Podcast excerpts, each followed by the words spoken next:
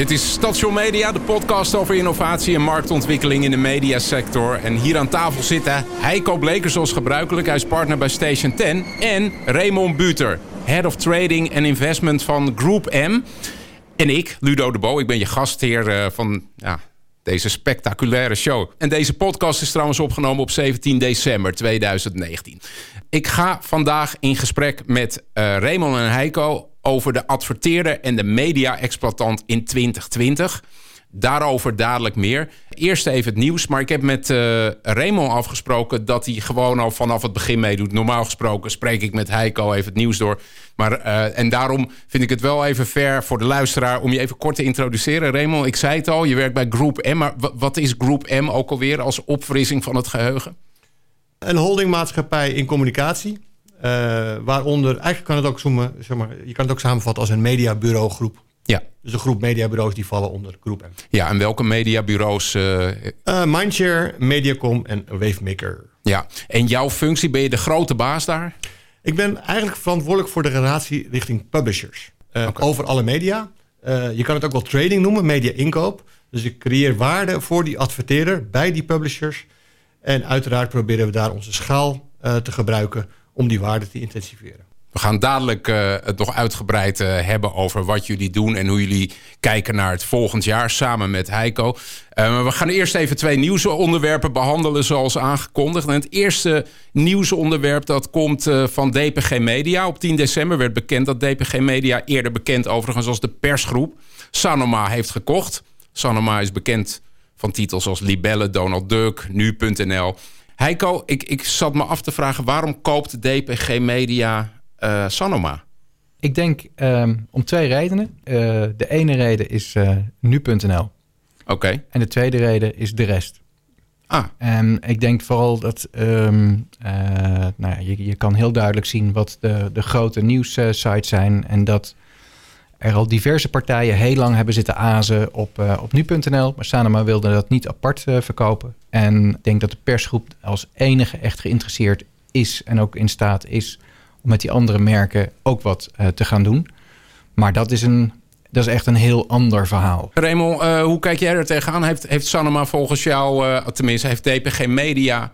Sanoma gekocht vanwege nu.nl? Voornamelijk, noem ik twee redenen. Bereik vergroot bereik en data. Is dit een goede ontwikkeling voor het medialandschap in Nederland, Raymond? Wij hebben aangegeven dat, dat samenwerking een noodzaak is voor lokale publishers om uiteindelijk te overleven. Mm -hmm. Ik ga er zo meteen ook wat dieper op in. En wat dat betreft is uh, een overname zou ook een van de mogelijkheden kunnen zijn. Ja, we gaan nog wel een stap verder dan samenwerken. Ja, daarom. Maar het zou een van de mogelijkheden zijn. En dat is nu gebeurd. Alleen, ja, hier begint het pas klinkt profetisch. Ja, dat klinkt heel profetisch, maar dat is het ook. Um, samenwerking is noodzakelijk op een aantal gebieden. Om uiteindelijk, dus de, de, ja, ik noem het geen strijd, maar uiteindelijk om de balans te herstellen in bestedingen. Uh, die welke naar globale spelers gaat, digitaal. Want daar zit de groei. En ze noemen het even de, het collectief van lokale publishers. IAB-cijfers vorige week hebben aangegeven dat 70% van die spend naar digitale spelers gaat.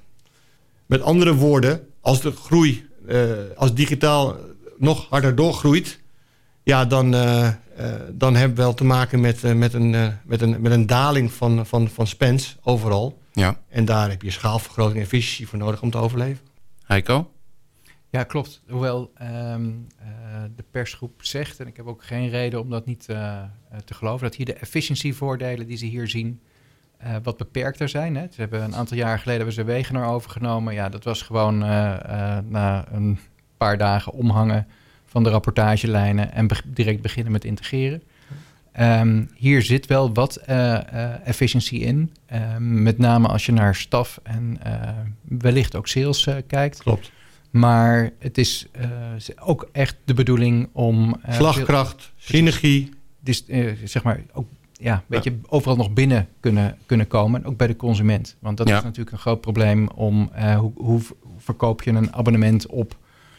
Nou, laten we eens Flow nemen. Eh, terwijl ehm, eh, het AD en nu samen ja, hebben zo'n groot bereik. Dat is makkelijker om het te verkopen dan ehm, ja, vanuit Sanema alleen. En dus daar moet ook geld uit gaan, gaan de groei in digitale bestedingen gaat naar video. Meer en meer. Video is dominant. Als we kijken naar het netwerk van Sanoma en de persgroep, hebben die nog niet zoveel videocontent. Nee, maar ik denk eh, terecht, eh, dit is de, de advertentiekant, maar je hebt ook de eh Ja. consumenteninkomstenkant. Ja. En, eh, Die is interessant. En, ja, en daar zijn ze natuurlijk zeer ervaren, ook eh, beide partijen mee. En daar verwacht ik wel dat ze proberen gewoon meer zeg maar, uit de portemonnee van de consument te krijgen. En maar verwachten jullie ook veel kruisbestuiving? Dus eh, ja, dit is even heel plat, maar de libelle brei special bij eh, Dagblad Trouw. ja, ik zit op contentvlak te denken van, oh, wat kun je daar allemaal wel niet mee doen? Her en der. Kijk, uiteindelijk, eh, je, je praat over merken. Eh, DPG heeft sterke merken. Sanema heeft sterke merken. Ze zullen naar het collectief van merken zullen gaan kijken. En kijken welke inderdaad sterk zijn om te, en, en, en, de kans hebben om voor de lange termijn te overleven. En ze zullen naar merken kijken die wellicht ze waarschijnlijk, omdat daar misschien een synergie is of daar één merk sterker is, afstand van nemen. De- de- Denken jullie dat er nog merken gaan, eh, gaan sneuvelen aan, aan Sanoma's zijde? Dat zou kunnen. Ja, ja, weet je, dat is een, volgens mij een doorgaande operatie Ja. ook geweest eh, bij Ja. Sanoma. En eh, nou, er zijn diverse merken dan opgepikt door, door New School, die er in een veel kleinere setting met een heel ander, ja, heel ander overhead perspectief en dergelijke. Meer focus. Ja, die, die Mhm. hebben dat best goed voor elkaar eh, eh, weten te krijgen. Ehm, en dat kon niet zeg maar binnen het grote concern overleven. Kijk, de persgroep. eh, ik ken diverse mensen die werken daar. En na vier, vijf maanden zijn ze nog steeds van... ik heb echt af en toe geen idee wat we allemaal hier onder één dak hebben. Eh, het is Ja. z- zo groot aan merken. Ehm, dus het, kennelijk bestaat het en is er niet een, een echte reden om te rationaliseren. Maar dit zou wel een hele goede eh, ja, gelegenheid zijn om het eens even goed ter hand eh, te gaan nemen. Maar bedenk ook bijvoorbeeld, eh, er zitten een aantal dublures in, een aantal dingen die elkaar lijken aan te vullen. Neem bijvoorbeeld ehm, een reclamefolder en Scoopy. Ja, wat moet je, wat moet je daarmee?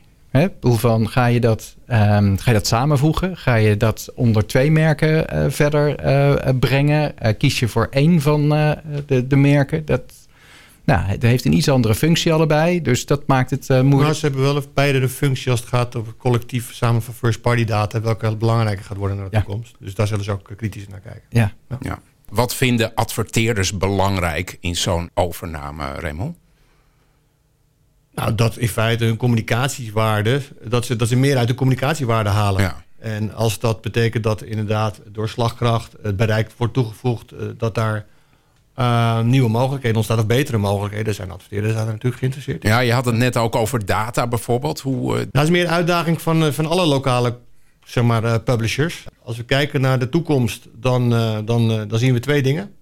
En we zien een wereld verschuiven naar mobiel. Eh, dat betekent dat eh, ja, mobile in-app is het niet mogelijk om cookies te droppen. Eh, wordt het dus moeilijk, moeilijker om audiences te identificeren. Dat Ja.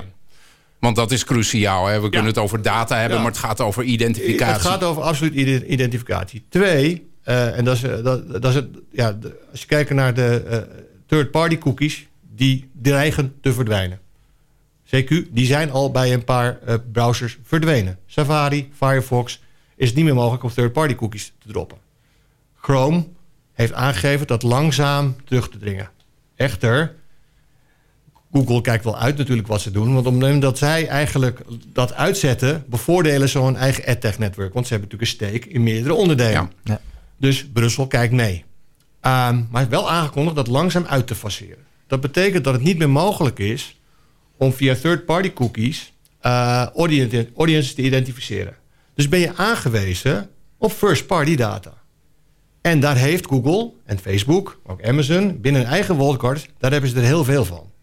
En als je kijkt naar het collectief van lokale publishers, individueel zien we wel bewegingen, maar er is geen collectief aan lokale publishers welke dat mogelijk maakt. Ja. Wat in België wel al het geval is. Ja. Ja, gaan we het zo straks nog even verder over hebben. Gaan we naar het tweede onderwerp. We gaan het namelijk hebben over ehm, twee onderzoeken, of in ieder geval twee documenten eh, die, eh, die naast elkaar bestaan. En, en ja, de geestelijk vaders van hier heb ik aan tafel. Ja, het leuke is, Raymond en ik hebben elkaar hiervoor nog nooit eh, ontmoet. Dus, Ja. ehm, maar ehm, het is denk ik de naam die het vaakst is gevallen in... En hij heeft hele mooie data tot zijn beschikking... die hij uit allerlei systemen kan, kan halen. Nou, dat hebben wij niet. En mijn data bestaat uit een, een klein groepje uh, CEO's die, zeg maar, uh, die ik geïnterviewd heb. Ja. Maar op diezelfde manier vind ik het belangrijk om zeg maar, een blik op de toekomst uh, te onderbouwen. En het leuke is, um, Raymond doet dat precies van de andere kant als wat ik dat doe. Hè. Die komt vanuit het mediabureau en kijkt dan naar de, de, de exploitanten, zoals je die, die noemt. Ja. En ik kijk, kijk vanuit de mediabedrijven. En kijk dus vanuit hun gezien ietsje breder. Want het is niet alleen zeg maar, de adverteerdersmarkt, maar ook de, uh, de consumentenmarkt, waar natuurlijk van alles aan de hand is. Ja. Maar dat, um, dat leek mij. Het, ik, ik, was buitengewoon geïnteresseerd wat Raymond ervan vindt. En dan, ja, weet je, uh, mag er van alles van vinden, maar vooral van wat vind je van de mening die hierin doorheen klinkt? Van zijn de mediabedrijven eigenlijk wel op de goede manier bezig als we het vergelijken met wat jij zegt. Dus ik heb ook de onderzoeken naast elkaar gelegd en gekeken van ja, waar zit nou. Het is best veel overlap in, maar waar zitten ook de verschillen in? En daar ben ik gewoon hartstikke benieuwd naar. En daarom dacht ik, dan is er maar één die je kan uitnodigen. Uh, want inmiddels is uh, This Year, Next Year ook echt uh, een event in de mediawereld. Dat ik dacht van ja, dat moet dan Raymond zijn. Ja, de Ja, titel mooi. is gevallen. This Year, Next Year. Raymond, wil jij even uitleggen, want dat is jouw ja, kindje, denk ik. Kun je uitleggen wat het is? Ja, wij zitten op de data. Als ik kijk naar inderdaad uh, het marktendeel van groep M of naar mediabestedingen kijken, dan, uh, ja, dan is dat ongeveer uh, 25 tot 30 procent. Dus wij, wij, wij zitten op die data, maar we volgen ook de data. En we kijken inderdaad vooruit, omdat we natuurlijk mediaplannen zien. We zien wat leeft en speelt bij niet alleen publishers, maar ook natuurlijk wat, wat leeft en speelt bij adverteerders. En op basis daarvan maken wij onze voorspelling. Um, dat doen we al acht jaar inderdaad, want uh, je refereert naar This Year Next Year. Uh, zo hebben wij ons event uh, genoemd. This Year Next Year ooit begonnen. Waar alleen maar 100, eigenlijk niet meer dan 100 publishers in de zaal. In de Harbor Club. Ja, in de Harbor Club inderdaad. waarvan wij, ja, laat zo zeggen, de initiatief wilden nemen om die toekomst zeg maar onder de loep te nemen. Ja. Nou, inmiddels is dat, dat gegroeid tot een, tot een groot marketing-event... Uh, waarin meer adverteerders aanwezig zijn dan publishers. Ja, 600 man, begreep 600 ik. man, Theater Amsterdam, fantastische, uh, fantastische locatie. Ja. En ook in staat uh, om, om, om echt de laatste paar jaren... een mooi, een mooi thema's te kiezen... Met een, met, een, met een groep presentatoren die inderdaad inspeelt op die trend... welke op dat moment speelt. Ja. En wij hebben dit jaar gekozen voor de term shortism. Short-termism eigenlijk. Waarom short-termism? Wat je ziet inderdaad... Uh, ik kwam laatst een presentatie tegen van een van strategen. Die, die, die, die riep ook... Die, de presentatie was... Don't let digital destroy your brand. En wat je ziet inderdaad... De korte termijn regeert. De korte termijn regeert bij adverteerders. Een jaarplan bestaat niet meer. Het is, er moet meteen gescoord worden. Er moeten meteen conversies gerealiseerd worden. Leads gegenereerd worden. En er wordt niet meer zoveel geïnvesteerd in het merk. Waar is de commercial van Hak? Waar zijn de commercials van Unox, Calvé Pindakaas? Het is schreeuwen, het is blazen. En er moet, ja, het is performance gedreven marketing. Het, het is geen grap. Je zegt er is geen jaarplan meer. Nee, nou, dat is natuurlijk wel een, een, een, een, een niet concreet meer. Ik onderbrak je in, in je verhaal het, uh, over this year, next year. Het is een, een event, maar, maar jullie publiceren ook. Een... Ik gaf al ja. aan, je hebt een thema en da daarvoor, daar borduren wij op voort. Daar, uh, daar nodigen we uh, de nodige presentators vooruit met een bepaalde visie. Um, maar wat altijd, heeft, wat altijd is gebleven, is eigenlijk, ja, is eigenlijk mijn stuk. En uh, mijn stuk is niks anders waar we terugkijken en vooruitkijken naar alle ontwikkelingen op het gebied van media. Inderdaad, gebruik maken van die data. En wat altijd terugkomt is inderdaad, wat is er gebeurd? Wat is er in termen van hoe groot zijn die bestedingen geweest? Welk medium heeft ervan geprofiteerd? Welk medium is gedaald? En vanuit die trend maken we ook onze voorspellingen. We kijken ook naar het verband met economie. We kijken het verband met, met welke soort adverteerders groeien, welke soort adverteerders dalen. En vanuit daar geven wij onze voorspelling. Maar ook geven wij met name uh, ja, de uitdagingen aan zoals wij die in de industrie zien. En ja, die kan je inderdaad leggen op het verhaal wat Heiko uh, vorige week gepresenteerd heeft. En kijken inderdaad waar de overeenkomsten liggen tussen het verhaal naar aanleiding van jou, uh, zeg maar, kwalitatief gedreven onderzoek En ja, de visie die wij inderdaad hebben gepubliceerd. Ja, waar zie je de overeenkomsten, Raymond? Nou, je ziet uiteraard, het zijn, als je kijkt naar de begrippen, ehm, dan zijn ze vrij breed. want ja, de begrippen bij ja, in Heiko's document. Stuk, want ik lees een stuk en ik, ik, lees dat stuk en er staat dan. Uh, data staat volgens mij niet boven, bovenaan. Wat, staat, wat, wat hebben we als bovenaan? Samenwerking. Ja, content staat bovenaan. Oh, content, ja. content staat ja. Dus content er bovenaan. Ja, investeringen in content. Ja, oké, dat is logisch. Uh, maar volgens mij gaat het... De, de, ik ben, waar ik nieuwsgierig ben, waarom moet je investeren in content? Want uiteraard, uiteraard uh, is het logisch dat je, dat je moet blijven investeren in content. Maar waarom dat belangrijk is geworden, ben ik geïnteresseerd in. Ja. En waarom dat belangrijker geworden is ten opzichte van het verleden. Ja. En ja. ik weet misschien hoe jij dat ziet. Ja. Ik wil daar mijn eigen visie op geven. Maar ik ben wel benieuwd hoe, hoe, hoe jij dat ziet. Kijk, wat ik in dit onderzoek altijd doe, is ik probeer dingen te aggregeren. Want als ik dan, als iemand zegt van nou, ik ga uh, dat was bijvoorbeeld in de tijd dat duidelijk werd dat Edwin Evers ging stoppen. Hebben radiopartijen gezegd van wij gaan, we gaan in een nieuwe ochtendshow investeren. Want we willen ervoor zorgen dat we straks een goede positie gaan, gaan krijgen. Um, dat schaar ik onder content. Um, zeker in dit geval gaat het echt om een heleboel partijen die met name in videocontent willen investeren, die dit al hebben.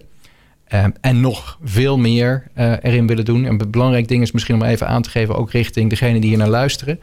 Al die interviews zijn vertrouwelijk. Dus ik kan niet zomaar aangeven van en die en die en die en die hebben dat allemaal gezegd. Maar um, er zijn diverse partijen die uh, beduidend meer in videocontent investeren. Mm -hmm. En precies wat Raymond net ook zei, uh, um, en ik ga er niet op in of dat dan ook toevallig dan net een DPG en een Sanema zijn geweest, maar dat zijn dus traditionele partijen die veel meer met video willen doen. Um, uh, maar ook de partijen die bijvoorbeeld richting consumenten uh, bezig zijn en zeggen ja, we moeten gewoon meer en meer, want volgend jaar is de slag om de, om de videokijker. Er komt zoveel bij elkaar. Um, uh, er worden zoveel nieuwe dingen geïntroduceerd. Um, dat we gewoon bang zijn um, als we twee, drie jaar. Uh, uh, als we over twee, drie jaar eigenlijk kijken, dan hebben we misschien de slag gemist. Dus we moeten nu alles op alles zetten om uh, die kijker naar ons toe te trekken. En anders kan het alleen straks nog door een partij over te nemen. Ja, ja dat is interessant zo je dat zegt. Kijk, de videomarkt is 1,4 miljard. En dat is de grootste markt. Als je social video ook erbij optelt. Daarbinnen is die analoge business is nog steeds 800 miljoen. Ja. Dus de analoge business, daar, wordt, daar draai je de huidige, zeg maar, de, de huidige businessmodellen van de traditionele publishers nog op. Ja. Als we naar de ontwikkeling van lineaire kijktijd kijken, dan is die natuurlijk dat is die afgelopen vijf jaar fors gedaald. Weliswaar dit jaar iets minder. Maar als je naar de toekomst kijkt, dan uh, heeft non-lineaire toekomst. Dus digitalisering van video heeft de toekomst. Ja, en dat gaat hard. En dat gaat hard. Um, daarbinnen hebben, uh, zeg maar, hebben de, de globale spelers een voorsprong. Als je kijkt naar, uh, en dan kom ik weer terug op het, uh, wat, ik, wat, ik, wat ik net aangeef, als het, gaat, als het gaat om identificatie, identificatie van audiences. Ja. Um, en ja, ze, ze, ze, ze, hebben natuurlijk ook een fantastische distributie. Dus het bereik ook van, van die partijen is, is groot. Um, kortom, je zal moeten investeren in, non, in, in non-lineair. En of dat nou een on-demand propositie is... waar je aan de consumentenzijde nog wat, wat, wat, wat kan verdienen... of inderdaad een free-to-air propositie... waar Talpa meer in gelooft. Je moet daar meer in gaan investeren... om uiteindelijk uh, doelgroepen te kunnen blijven bereiken. Heiko knikt. Ja, en te identificeren. Dat is dat en identificeren precies ja, ja. waar je het over ja. had. Heb jij in dit verband een vraag aan Heiko? Wat ik interessant vind... Kijk, Vorig jaar stond samenwerking stond voorop. En nu is dat content geworden. Ja. En ik vraag me dus... Uh, content is natuurlijk investeren in content is belangrijker. Maar waarom is dat? En zoals ik het zie, is denk ik... het gaat niet zozeer om context, maar het gaat om context. Want ik denk dat lokale publishers in Nederland... alleen op het gebied van context het verschil kunnen maken. Ze kunnen wellicht om par komen als het gaat om identificatie. Dus ze kunnen data verzamelen, moeten ze als collectief doen. Want dan, kunnen ze alleen, dan komen ze op grote schaal. Kunnen ze dus ook first-party data verzamelen. Ze kunnen bereiken inderdaad, door de bereik leveren, door, door ook als collectief op te treden. Maar daar zijn ze gelijkwaardig. Daar zijn ze nog ja. niet waar. En de, de, de, de globale partijen kunnen blijven in. Die hebben dermate ook eh, investeringskracht. dat je je moet afvragen of dat voldoende is. En ik denk, nee, ik ben van mening dat context het verschil kan maken. Dus de impact van adverteren, en ik praat dan over de advertentiemarkt. Ja, duidelijk. Het impact van adverteren bij lokale broadcast of, of, of, lokale content heeft een hogere waarde dan, dan bij wijze van spreken adverteren bij een user-generated filmpje op YouTube. Ja. Als voorbeeld. Of een timeline in Facebook. Ehm, dat moet, die meerwaarde moet aangetoond worden. Daar moet je in, in, in, investeren. Maar terugkomen, context in relatie tot content, die wordt belangrijker. De content zelf, daar moet je altijd in blijven investeren. Nou, ik denk eerlijk gezegd, want dat is een uh, goede vraag van je. Waarom is dat ineens op nummer één? Um, het, is de, het is het vierde jaar en het eerste, het tweede en dit jaar staat content op één. Het is misschien meer vreemd dat het afgelopen okay. jaar niet op één stond. En toen stonden daar data en samenwerking. Um, en ik denk dat dat heel specifiek was voor het afgelopen jaar. Dat met name data, dat zag je gewoon langzaam opkomen. Uh, waarom het nu niet meer op nummer 1 staat, is dat voor een aantal partijen, en daar kan je het mee eens zijn of niet, maar daar, die geven aan, data is voor ons inmiddels uh, een hygiënefactor. Het is, we, uh, het is voor ons geen speerpunt. we, we draaien daar gewoon, we doen het hartstikke goed. En uh, nogmaals, kan, jij, vind ik wel interessant om te horen of jij vindt dat dat ook zo, zo, zo, zou moeten zijn.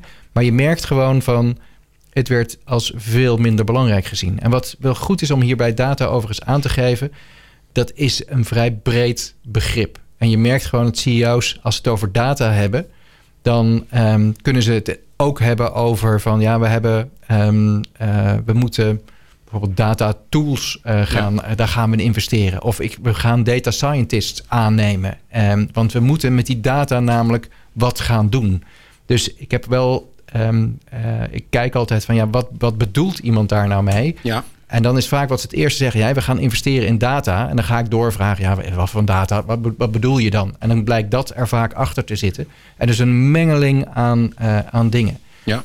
Dus um, dat is, ik denk, Um, vanwege, dat zei ook iemand, ja, het heeft gewoon iets minder aandacht sinds de, de, de AVG was gewoon een heel belangrijk misschien iets. Wordt, ja, ja. Uh, misschien reflecteert dan inderdaad op die AVG, want zoals wij ja. data zien, is data is een middel uiteindelijk. Ja. ja. En eigenlijk, als je kijkt naar data in relatie tot één, identificatie, waar ik het net over had. Ja. En twee, measurement. Ik denk dat dat de twee grootste uitdagingen zijn van het internet. Ja. Ja, en, en in die context zou je kunnen zeggen... nou ja, zo goed doen ze het dan op dit moment nog niet. Nee, en dan komen we terug op samenwerking. Want als ja. je samenwerking beter gaat duiden... ik denk dat sa ik heb samenwerking echt op nummer 1 staan. Als je kijkt naar... en dat staat ook omschreven in een Disney Next document... kijk, de lokale publishers hebben geprofiteerd van de economische ontwikkeling. Want weliswaar is hun aandeel inderdaad naar beneden gegaan autonoom zijn ze niet gedaald. Ja. Omdat de mediabestedingen zijn gegroeid. Ja. En ik noem in mijn presentatie noem ik het uh, Winter is Coming. Uh, en dat, dat, dat, reflecteert op de economische groei uh, voor de komende jaren. Want die staat onder druk. Tuurlijk, er zijn events volgend jaar. Dat stelt het misschien even uit. Maar als we daarna dan kijken... en als die daadwerkelijk een, die, die economische outlook een ontwikkeling heeft... een negatieve ontwikkeling heeft op die bestedingen en dat aandeel dan verder daalt, dan hebben de lokale publishers echt, echt een groot probleem. We gaan naar een multi-gefragmenteerde wereld. Uh, wat, ja. wat, bedoel ik daarmee te zeggen? De walled gardens worden groter. Dus uh, als we kijken naar uh, Amazon gaat er natuurlijk ook nog bij komen. Dan hebben we zo meteen te maken met drie giganten. En een combinatie van het open internet. Ja, dus, waar dus Google, Facebook, Amazon. Amazon. Ja. ja. En een combinatie van het open internet... waar al die lokale publishers onder vallen die moeten gaan samenwerken, die partijen. En niet alleen maar op het gebied van identificatie, maar ook op het gebied van distributie, heb ik net al aangegeven, waar je het bereik kan, kan vergroten, schaal. Op het gebied van content, dus onderling samenwerken, ook in relatie weer tot die distributie. En vier, wat ik ook noem, is AdTech. Want wat je ziet, is dat uh, die walled gardens maken gebruik van een eigen systeem. Google heeft natuurlijk de DV360. Daar hebben ze ook een steek bij adverteerders. 95% van de adverteerders gebruikt de Google AdTech. Dan hebben we ook de ad management systemen. Ik denk een groot deel van de lokale publishers werkt ook met ad management systeem van Google. Die niet geld transparant zijn, maar op de korte termijn wel werken, wat levert wel omzet op. Want omdat die adverteerders natuurlijk voor 95% zijn aangesloten. Met andere woorden, als je niet gaat samenwerken uh, zeg maar, uh, op deze gebieden, en met name ook op het gebied van EdTech. Ik weet, Google. Nee, ga even terug. TV is natuurlijk, het video is groot. Binnen video wordt Connected TV is een groeidomein. Connected TV is waar met name de lokale publishers nu uh, ja, nog uh, net zeg maar heel veel heel, hele hoge kijkdichtheden al, al halen. Uitgesteld kijken via het grote scherm, of het nou Island Robinson zijn of, of GTST, vindt dagelijks plaats. Het wordt ook makkelijker gemaakt. Uh, en um, dat gaat zometeen programmatic verhandeld worden. En logisch dat Google dan zegt, ja, kom maar naar mij toe, want dat wil ik wel voor je verhandelen. Ja. Dus uiteindelijk zullen de, zal de lokale markt met een eigen, uh, met eigen DSP's of eigen ad management systemen de markt in moeten gaan. En vooral niet die content weggeven. Dus dat is eigenlijk, en daarom is content misschien wel belangrijker. is het goud waarop ze zitten. Ja. Uh, en, niet, en niet zeg maar uh, weggeven zomaar aan die, aan die globale spelers. Ja. Heiko, heb jij het idee dat, dat dit besef leeft aan de mediakant, media-exploitatiekant? Nou, Raymond zegt iets heel belangrijks. En uh, dat is namelijk dat uh, het afgelopen jaar was zo slecht nog niet. Nee. Ja. Dus um, uh, samenwerken is rete ingewikkeld. En op het moment, het gaat kennelijk te goed... dat er toch nog niet voldoende water aan de lippen staat... om dan te zeggen, nee, we moeten echt gaan samenwerken. Want die domeinen die je inderdaad aangeeft... Um, ik, het enige waarvan ik denk van nou, content wil ik nog wel een boometje over opzetten of je daar te veel in moet samenwerken. Want dat is de manier om je te onderscheiden. Hè? Ik exclusieve content, daar haal je mensen mee. Uh, ja, daar heb ik misschien over de distributie van de content. Precies, ja. En, maar, en dan komt ook ja, je merk en je komt. Hè, dus maar, ja, um, uh, maar echt samenwerken, ontzettend belangrijk. Maar um, ik denk dat dat aan de hand is. Dat het eigenlijk, dat ze, als we kijken van dat het niet slecht genoeg gaat en dat men denkt, maar Hè? We kunnen het nog wel een jaartje uitstellen. Terwijl, eh, ja, het is doodzonde. Want um, uh, kijk, er liggen natuurlijk ook allerlei initiatieven. Maar dat zijn ingewikkelde zaken. Ik zag ook uh, this year, next year van ja, NL ziet, is er NL profiel. Um, nou, dan moeten NL AdTech of iets dergelijks. Er, moet van, er moeten verschillende initiatieven komen. Het interessante is, in een aantal buitenlanden werkt het prima. Um, en het lukt niet zo goed in Nederland. Uh, bijvoorbeeld als je kijkt um, naar bijvoorbeeld programmatic. Um, zowel in België, maar ook met name een heel mooi voorbeeld, in Canada... waar de overheid heeft gezegd... dat jullie gaan gewoon nu samenwerken en uh, geen gezeur meer. werkt dat heel goed. En in Nederland blijft dat enorm achter. Voor, gewoon je zou als publieke omroep daar een, vooroplopende rol in kunnen hebben. En als een neutrale partij zeggen: joh, wij gaan het in ieder geval doen en we gaan het testen. We moeten innovatie doen um, en zien hoe dat gaat werken. En hoe verder het richting programmatic en data en één op één gaat, ja, hoe verder ook men zich terugtrekt en denkt: oeh, dat is uh, gevaarlijk gebied uh, voor ons. Ja. Ja, wat doet de NPO? Die zegt in feite: we gaan, we, we, we, we, we, we doen een stap terug. Ja. we gaan niet mee in deze wereld. Ja, nou ja, dat zegt volgens mij de NPO, dat zegt de minister dan. Ja, eh, oké. En die bedenkt dat voor de, ja, precies, okay. die bedenkt ja. dat dan voor de NPO. Eigenlijk het omgekeerde van wat er in Canada gebeurt. Uh, ja, inderdaad. Dat is uh, goed geconcludeerd. Net buiten jouw uh, top 5 van speerpunten viel abonneediensten. Ja. Media-exploitanten willen ook meer in gaan zetten op abonneediensten. Misschien doe ik het daarmee ja. iets te kort, maar het is in ieder geval een hot topic voor ze. Toen ging het uh, vorige week, toen Adformatie een, uh, een, event had en jij daar ook aanwezig was uh, om, om je onderzoek toe te lichten. toen ging het er eigenlijk over van ja, daar ligt een uitdaging, maar, maar dat, is dat, in hoeverre bijt dat de adverteerdersmarkt? Ben ik heel benieuwd hoe, hoe ja. jij daarnaar kijkt, Raymond. Want ik zie gewoon van er gaan steeds uh, meer paywalls uh, geïnstalleerd uh, worden. Ja. Um, het moet ook wel, want gewoon ja. de, het is een uitdaging in het businessmodel van ergens moet het vandaan komen als de advertentieinkomsten teruglopen. ja, kan je dat dan goed maken? want ook de abonnee-inkomsten lopen, lopen, terug. Kan je die digitaal terugpakken? Kijk, het voordeel is natuurlijk van het publiek is veel beter geïdentificeerd op dat moment. Ja, het nadeel is dat een deel van het publiek denkt: ja, hallo, ik betaal er nu voor. Ik verwacht nu een, uh, een, gra of een, een, versie zonder uh, advertenties. Ja, maar dan gaat ook hybride, natuurlijk, er gaat een hybride situatie ontstaan, Precies. zoals we die ook in Amerika zien. Ja. Als je naar Hulu kijkt, ja. ben je staat om verschillende abonnementen af te nemen. Eentje met veel advertising, eentje met limited advertising, eentje met geen advertising. En ja, dat bepaalt uiteindelijk je abonnementsgeld. Uh, en dat zie je, dat gaat ook in Nederland gebeuren. Ja. Technisch, technisch, technisch hebben ze het nog niet voor elkaar. Maar ik denk dat RTL XL en Videoland, dat, dat gaan ze integreren. De vraag is of het, of het, of het S-Food-model sustainable is. Dat mensen inderdaad blijven, ja, noem het tientje stapelen, blijven betalen voor een jaar lang uh, uh, content.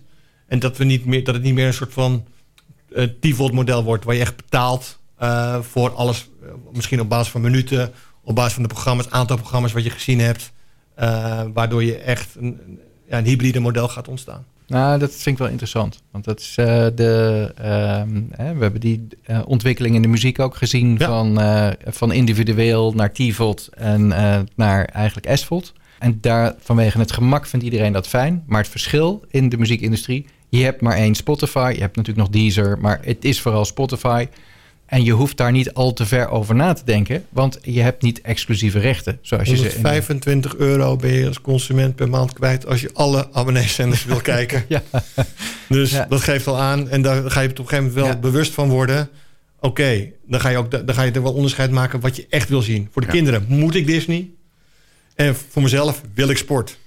En de rest dan maar even niet. ik ben heel erg benieuwd hoe het uh, gaat lopen volgend jaar. Want er zijn natuurlijk, er komen nu allerlei partijen die zeggen: ja, Netflix, dat wordt natuurlijk een, een drama, want het wordt van alle kanten aangevallen. Ik heb recent voorgesteld, zullen we Netflix maar eens gewoon stoppen? Nou, ik, ik hoef niet meer thuis te komen. nee, jij, jij woont inmiddels ergens anders. Het is een basisvoorziening geworden, uh, zo'n beetje. Als je daar weer naar globale ontwikkelingen kijkt, Netflix maakt nog steeds verlies. Dus het feit dat daar ook een consolidatieslag gaat plaatsvinden... of dat een, een Disney een Netflix gaat kopen in de toekomst... of een Amazon, uh, die, die ook een rol daar speelt met Prime... Ook wel interessant. Amazon koopt de Champions League richt in Duitsland. Ja, ja, ja. 100 kilometer hiervan vandaan. Ja. Wie weet wat, het ooit in Nederland gaat, wat er ooit in Nederland gaat gebeuren. Ja. Um, dus daar gaat ook een consolidatieslag plaatsvinden. Nou, en wat ik vooral het, eh, eh, de, partij, ik, de meest spannende partijen vind ik de partijen die namelijk eigenlijk niet uh, video als primaire business hebben. Maar die het dan weggeven bij uh, een, uh, een, mobiele telefoon die je koopt. Of Apple. bij een, precies, ja. Apple. Of dus bij zo'n een dienst van wij zijn een e-commerce site Oh, by the way, we hebben ook video.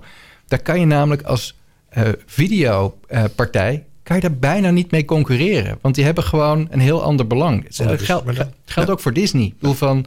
Uh, en je mag, je mag blij zijn, denk ik, vanuit de huidige mediapartijen... dat ook niet die partijen ineens opstaan en zeggen... nou, weet je, kom ook maar adverteren bij ons. Maar daar was vorige week Marco de Ruiter, de baas van Disney in Nederland... heel helder over. Nee, dat gaat echt nooit uh, gebeuren.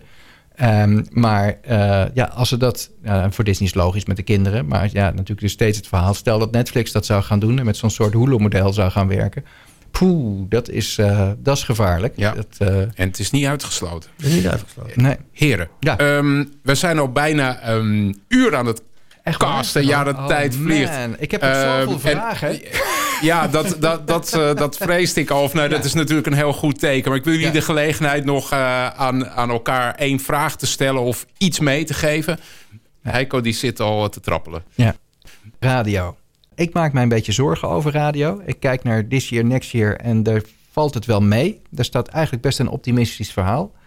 En ik maak me zorgen om twee redenen. Als wij onze analyses maken hoe de toekomst eruit ziet... dan kijken we heel erg naar het uh, gedrag van de luisteraars. Dus we proberen, um, uh, en dan wordt het een beetje technisch, maar in cohorten gaan we, hebben we vergeleken over een lange periode wat het, hoe de gedragsverandering is. En ik weet niet meer precies vanaf welk jaar, maar vanaf, ik dacht 1974, iedereen die daarna is geboren, heeft ander luistergedrag dan daarvoor. Alleen zie je dat nog niet, omdat er heel veel oude mensen zijn. En er wordt dus, komen steeds meer oude mensen. En oude mensen luisteren heel veel radio. Heel veel tijd. Ja, ja. Nou, maar en, die, en die, die luisteren echt heel veel radio. En dus de luistertijd blijft hetzelfde. Maar als je diep erin gaat, dan zie je een, echt schrikbarende ontwikkeling. En dan hebben we het nog niet eens mee. Dat is gewoon het standaard luistergedrag. Hè? We hebben niet eens meegenomen dat de podcast en dergelijke allemaal nu wat in, uh, in opkomst zijn. Mhm. Dus dat is de marktkant. En aan de andere kant, als je naar al die. We hebben hele mooie radiomerken. En in het, de eerste keer dat ik uh, de CEO's ging interviewen, uh, sprak ik uh, die van de Sky Radio groep en de 538 groep. En er is geen CEO radio meer. Je, wat je ziet, het is allemaal opgeslokt in grote bedrijven. En wat, waar radio niet het meest belangrijke is. Dus, en ik weet van bepaalde partijen, als die een euro stoppen in, uh, in radio, levert het minder op dan als ze een euro stoppen in een van de andere uh, media.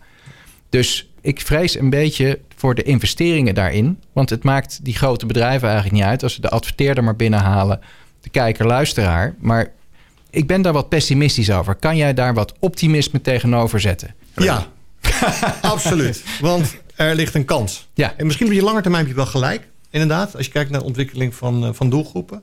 Maar voor de korte termijn ligt er absolute kans. Ja. Waarom? Short-termism. Ja, nou ja, ik weet het noemen. 40% van, uh, 40% van onze mediatijd luisteren we. Als je kijkt naar mediaspends, is dat maar 5%. denk je van, hm, 5%. Ja. Waarom is dat zo laag? Nou, wat we zien inderdaad dat uh, audio wordt met name gebruikt voor die midfunnel, voor activatie. Performance, transactie gedreven, het is een beetje doorgeslagen naar de .nl's. Maar je vindt bijna geen adverteerders terug zeg maar, binnen het medium waar merken gebouwd worden. Ja. Ik denk dat Vodafone wel een goed voorbeeld was als je kijkt naar de afgelopen jaren. De, de, de commercial met de leuke lange verhalen, die hoor je niet meer. Het is ook daar weer uh, zoveel abonnementje, 50 gigabyte, 2,99 euro met een Samsung erbij. Ja. Met andere woorden, um, merken bouwen vind, vind je niet meer terug. En het transactiegedreven stuk, dat is met name gemigreerd naar het digitale stuk. Ja. Dus waar staat audio dan? Nou, waar ligt dan de kans? Dat zit er met name in het digitale stuk. Inmiddels luisteren we 20% van onze tijd luisteren we digitaal. Dat doen we via uh, een connected device, dat doen we via een mobiele telefoon, dat doen we via een laptop, dat doen we via een ander medium. Daar doen de audio-publishers nog helemaal niets mee. En als, die, als we dan. En we hebben daar wel wat op getest. En je ziet dat we, dat, we hebben het getest met met name de niche channels. Dus de digitale kanalen zoals Love Radio of Dance Top 40, et cetera, et cetera. Maar Ja. het FM-signaal kan ook digitaal ontsloten worden. Ja. En als we daarin gaan segmenteren naar audiences. En dan een soort van dynamisch die creativiteit kunnen, kunnen toepassen. Want daar zijn ook tools voor. Dat je je boodschap aanpast op die luisteraar. Waar die is, wie die is, wat hij doet. Dan kan je misschien, ben je misschien wel in staat een merken te bouwen. Ten meer ook een groot deel van de beluistering via het oortje plaatsvindt. Waardoor de intensiteit van luisteren veel, vele malen groter is... dan dat je naar de FM op, waar het op de achtergrond als behang hebt op staan. Dus daar ligt een kans voor de markt. Er is een kans om daar samen in op te trekken. En uh, dan moeten we dan de CEO's weer even uit het hok trekken. uh, die er wel zijn, maar inderdaad nevenactiviteiten hebben. Ja. En inmiddels praten wij ook met Talpa of met Q-Music daarover. Dus daar ligt een korte termijn een kans voor een heel efficiënt medium. Ja. Want het voortborduren op zeg maar, een beeld... wat dan, ja, we noemen dat visual transfer... Um, dat is een hele efficiënte investering voor, voor, uh, voor adverteerders... Uh, om merken te blijven bouwen. Ja. Ja. Heel lang verhaal. Ja. Ja, ja ik, ik hoop dat je een beetje gerustgesteld bent. Voor de korte termijn althans, Heiko. Ja, je, je kent de, de Media Exchange, denk ik wel, hè? Ja, Ja, daar was ik uh, aandeelhouder in. En dat is even heel, heel kort. Dat is een uh, bedrijf dat dus uh, de, de, advertenties verhandelde voor de digitale kanalen. en tot mijn grote spijt, maar vooral voor degenen die het opgericht hebben, hebben het de, het afgelopen maand te gaven moeten. It's dragen. all about timing. Exact. Nee, maar dat, Ja. dus ik, die, die belofte is er dus al jaren. Ja. En ik ben wel heel blij dat eraan gewerkt wordt. Maar ook het FM stuk gaan adresseren. Ja, dat zou fantastisch zijn. Uh, uh, maar uh, wat we digitaal beluisteren dan. Maar ja, er moet wel wat gebeuren. Ja. Heiko, je tweede vraag moet buiten deze podcast plaatsvinden. Want Ja. ik wil Raymond ook nog even de gelegenheid geven om een vraag aan jou te stellen. Ja. Ah, Nou ja, damn. ik las jouw stuk Ja. en het woord cookieless Ja. komt daar niet in voor. Nee. Is dat woord überhaupt gevallen in alle interviews? Nee. Dat verbaast mij. Want Ja. dat is echt wel een zorg voor de toekomst. Ja. Ja, ik zit even. Ik, nou, ik zeg heel snel nee. Ik, ik, want ik denk dan van: is er dan heel veel gesproken over first party data? Eén partij heeft daarover gesproken. En de rest is daar niet. Eigenlijk schrik ik daarvan. Ja. ja. Maar dat betekent niet dat die bedrijven daar niks aan doen. Maar dat het niet een speerpunt is op dit moment voor de CEO in ieder geval. Misschien niet voor de CEO, misschien heeft hij er iemand anders op, opgezet. en ziet hij het wel, maar ik zou het absoluut als een speerpunt. Ja. Ja. Ja. Maar ik ben de CEO van de media. Dat kenmerkt de optimist in je, Raymond. Ja, Heiko, wil je nog wat over zeggen? Nee, ik dacht, maar zo'n kort antwoord en zo'n korte vraag hebben we misschien nog... Nee, maar laten we niet doen. Na deze podcast, wij gaan uh, afronden. Raymond Buter, heel erg bedankt voor je komst en je, uh, ja, je mooie verhaal. Leuk om te doen, dankjewel. Ja, dank je. Heiko natuurlijk ook heel erg bedankt. Dit was Station Media, december 2019. Hoop dat je hebt genoten. Luister ook de andere afleveringen. Die zijn zeker nog relevant. Ga naar soundcloud.com bijvoorbeeld. En toets daar Station Media in. Maar we zitten ook op iTunes, op Spotify. Op al die kanalen natuurlijk. Om dat bereik maar zo groot mogelijk te houden. Uh, graag tot de volgende keer.